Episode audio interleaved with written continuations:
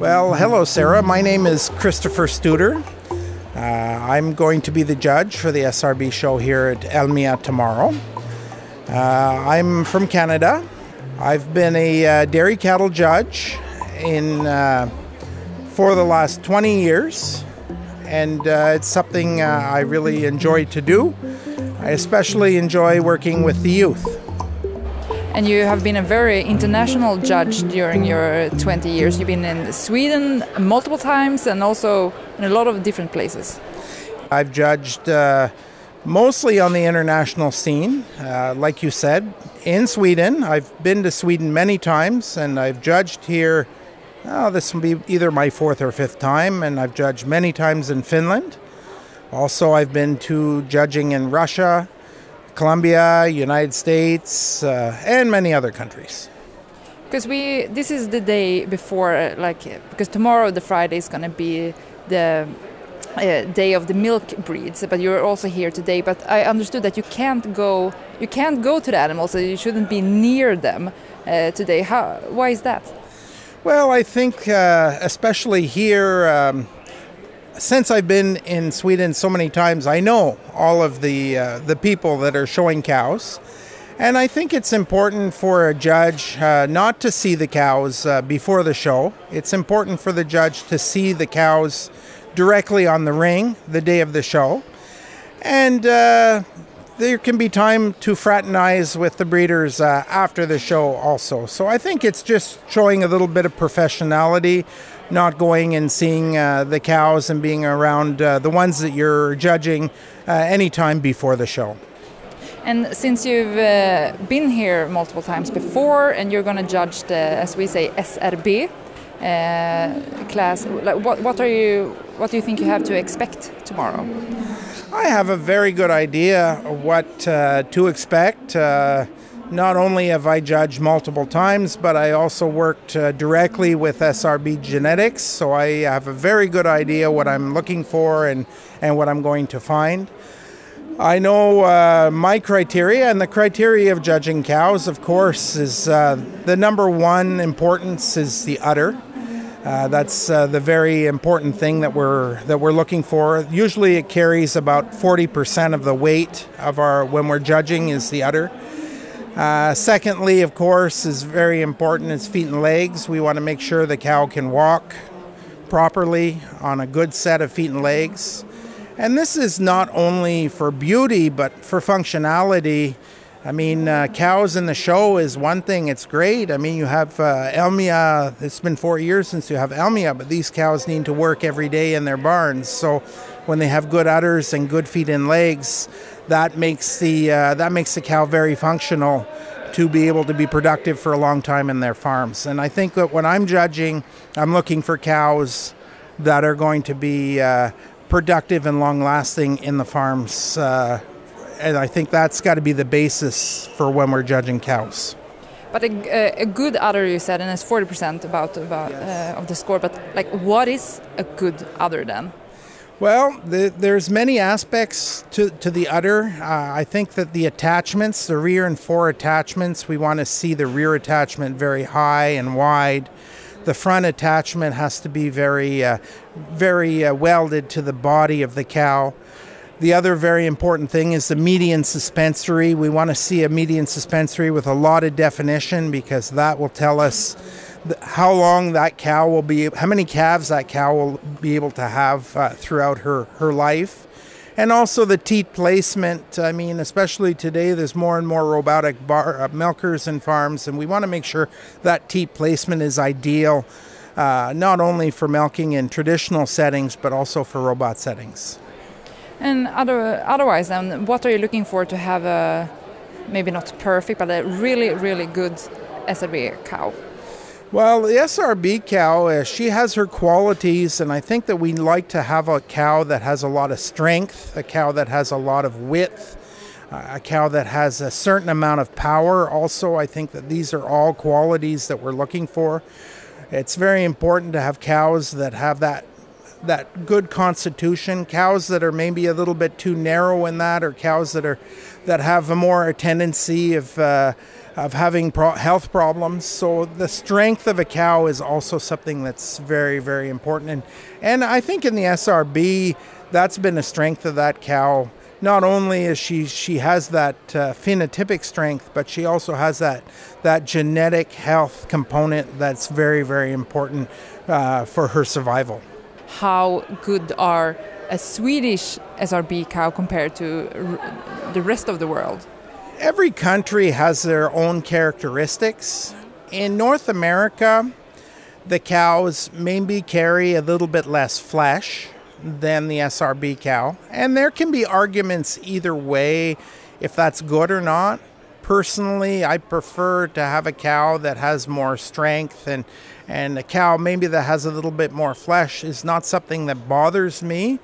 But in, uh, in especially in North America, they are looking maybe for cows that are maybe a little bit have a little bit more dairy character, maybe have a little bit more uh, depth and and uh, and and just that overall general dairiness. But for me, that's great for the show, but maybe not in the everyday life. Hej, vad heter du? Ellen Svensson. Och du är ju en av eh, alla de eh, personer som faktiskt har varit otroligt viktiga för att få den här utställningen att eh, snurra runt. Kan du berätta, varifrån kommer du och vad har du gjort här under Elmia? Jag går ju Tenhus naturbruksgymnasium så vi har väl gått hit och grepat lite och gjort småfixet och gett dem foder och sånt. Det är väl mest det. Och gjort lite så här småsysslor som eh, behövs göras liksom. Småsysslor säger du, men det har ju också faktiskt varit jätteviktigt att ni finns här och ser till att det, att det snurrar. Ni tar upp i ringen så att det är rent där. Ni har liksom hjälpt till med, med korna. Hur, hur har det varit? Eh, alltså det har ju varit kul och så, men det har varit lite kämpigt. För det är ju rätt så många som har klagat på oss. Eller det kanske jag inte ska säga. Men, vad, vad menar du? Ja men alltså, typ att det var ju, är ju inte så många som ska gå in bland eh, djuren helst. Så när man sagt att de inte får gå in där så har de blivit lite bittra. Idag så kom du hit halv sex sa du. Eh, klockan är nu eh, lite efter halv fem så du har haft en väldigt, väldigt lång dag. Kan du bara berätta lite om hur din dag har sett ut? Eh, ja men vi eh, kom ju hit och så hade vi lite morgonmöte och sen så eh, vi ut skiten och eh, la på halm och gav dem foder och så krattade vi gångarna.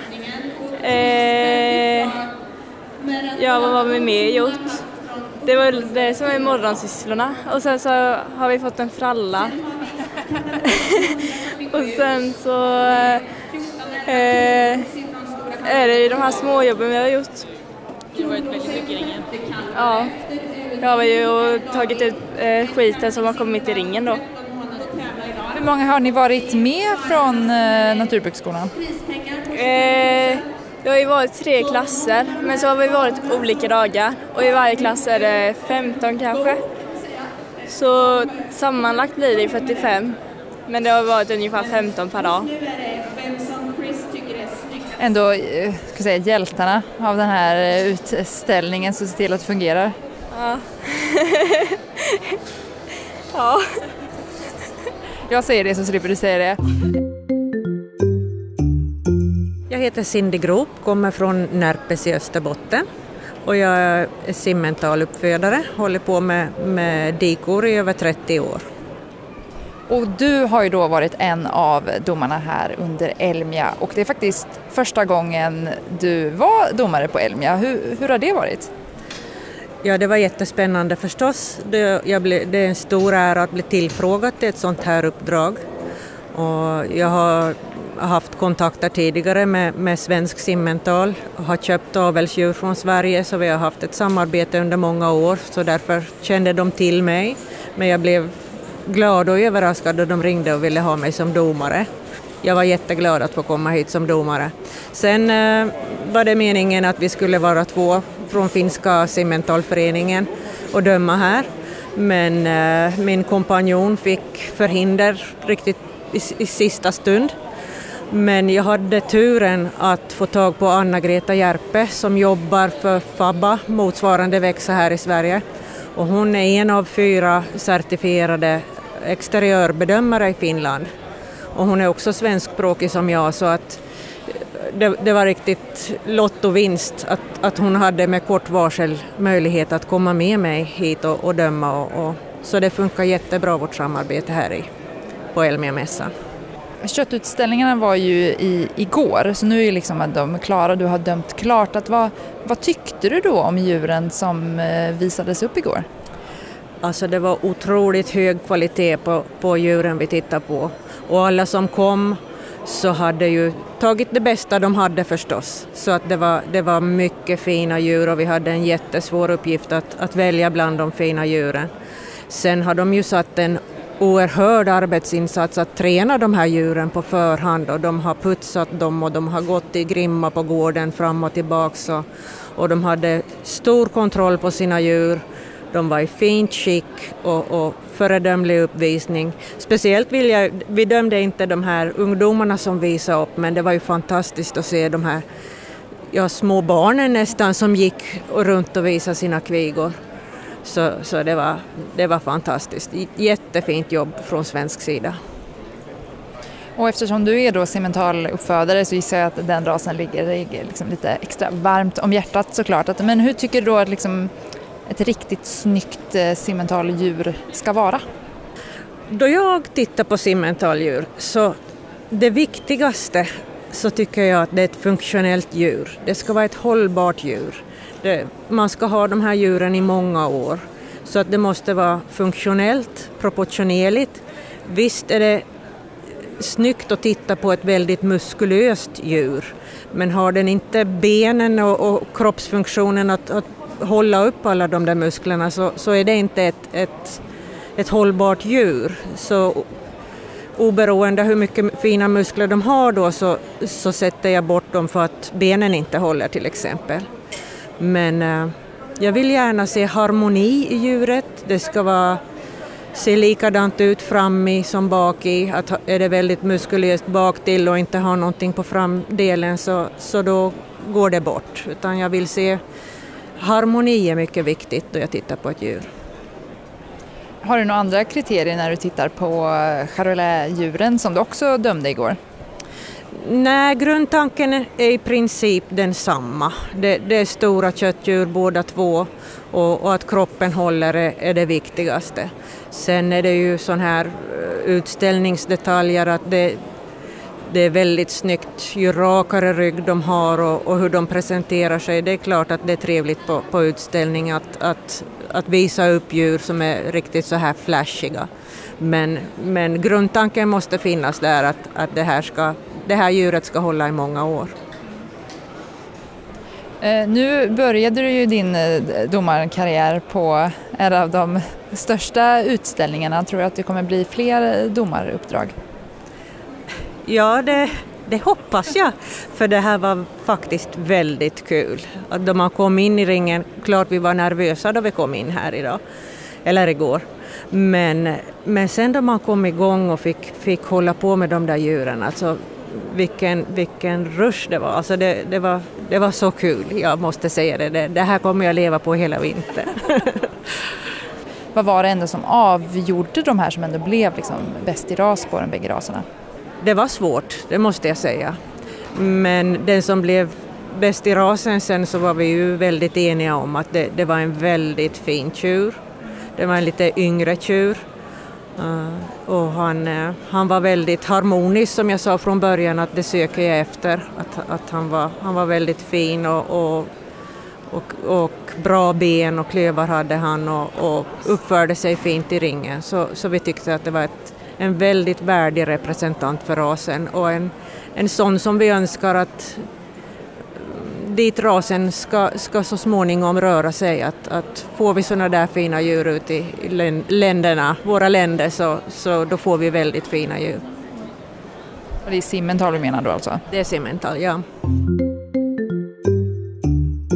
Jag heter Per Arnesson och har varit djurhälsoveterinär i 35 år på, inom husdjursorganisationen. Och som en del i den tiden så har jag arbetat som utställningsveterinär på Elmia sedan i början på 1990-talet. Nu är jag pensionär men jag blev inhyrd av Elmia att stötta dem även denna gången. Och vad innebär det då att vara utställningsveterinär?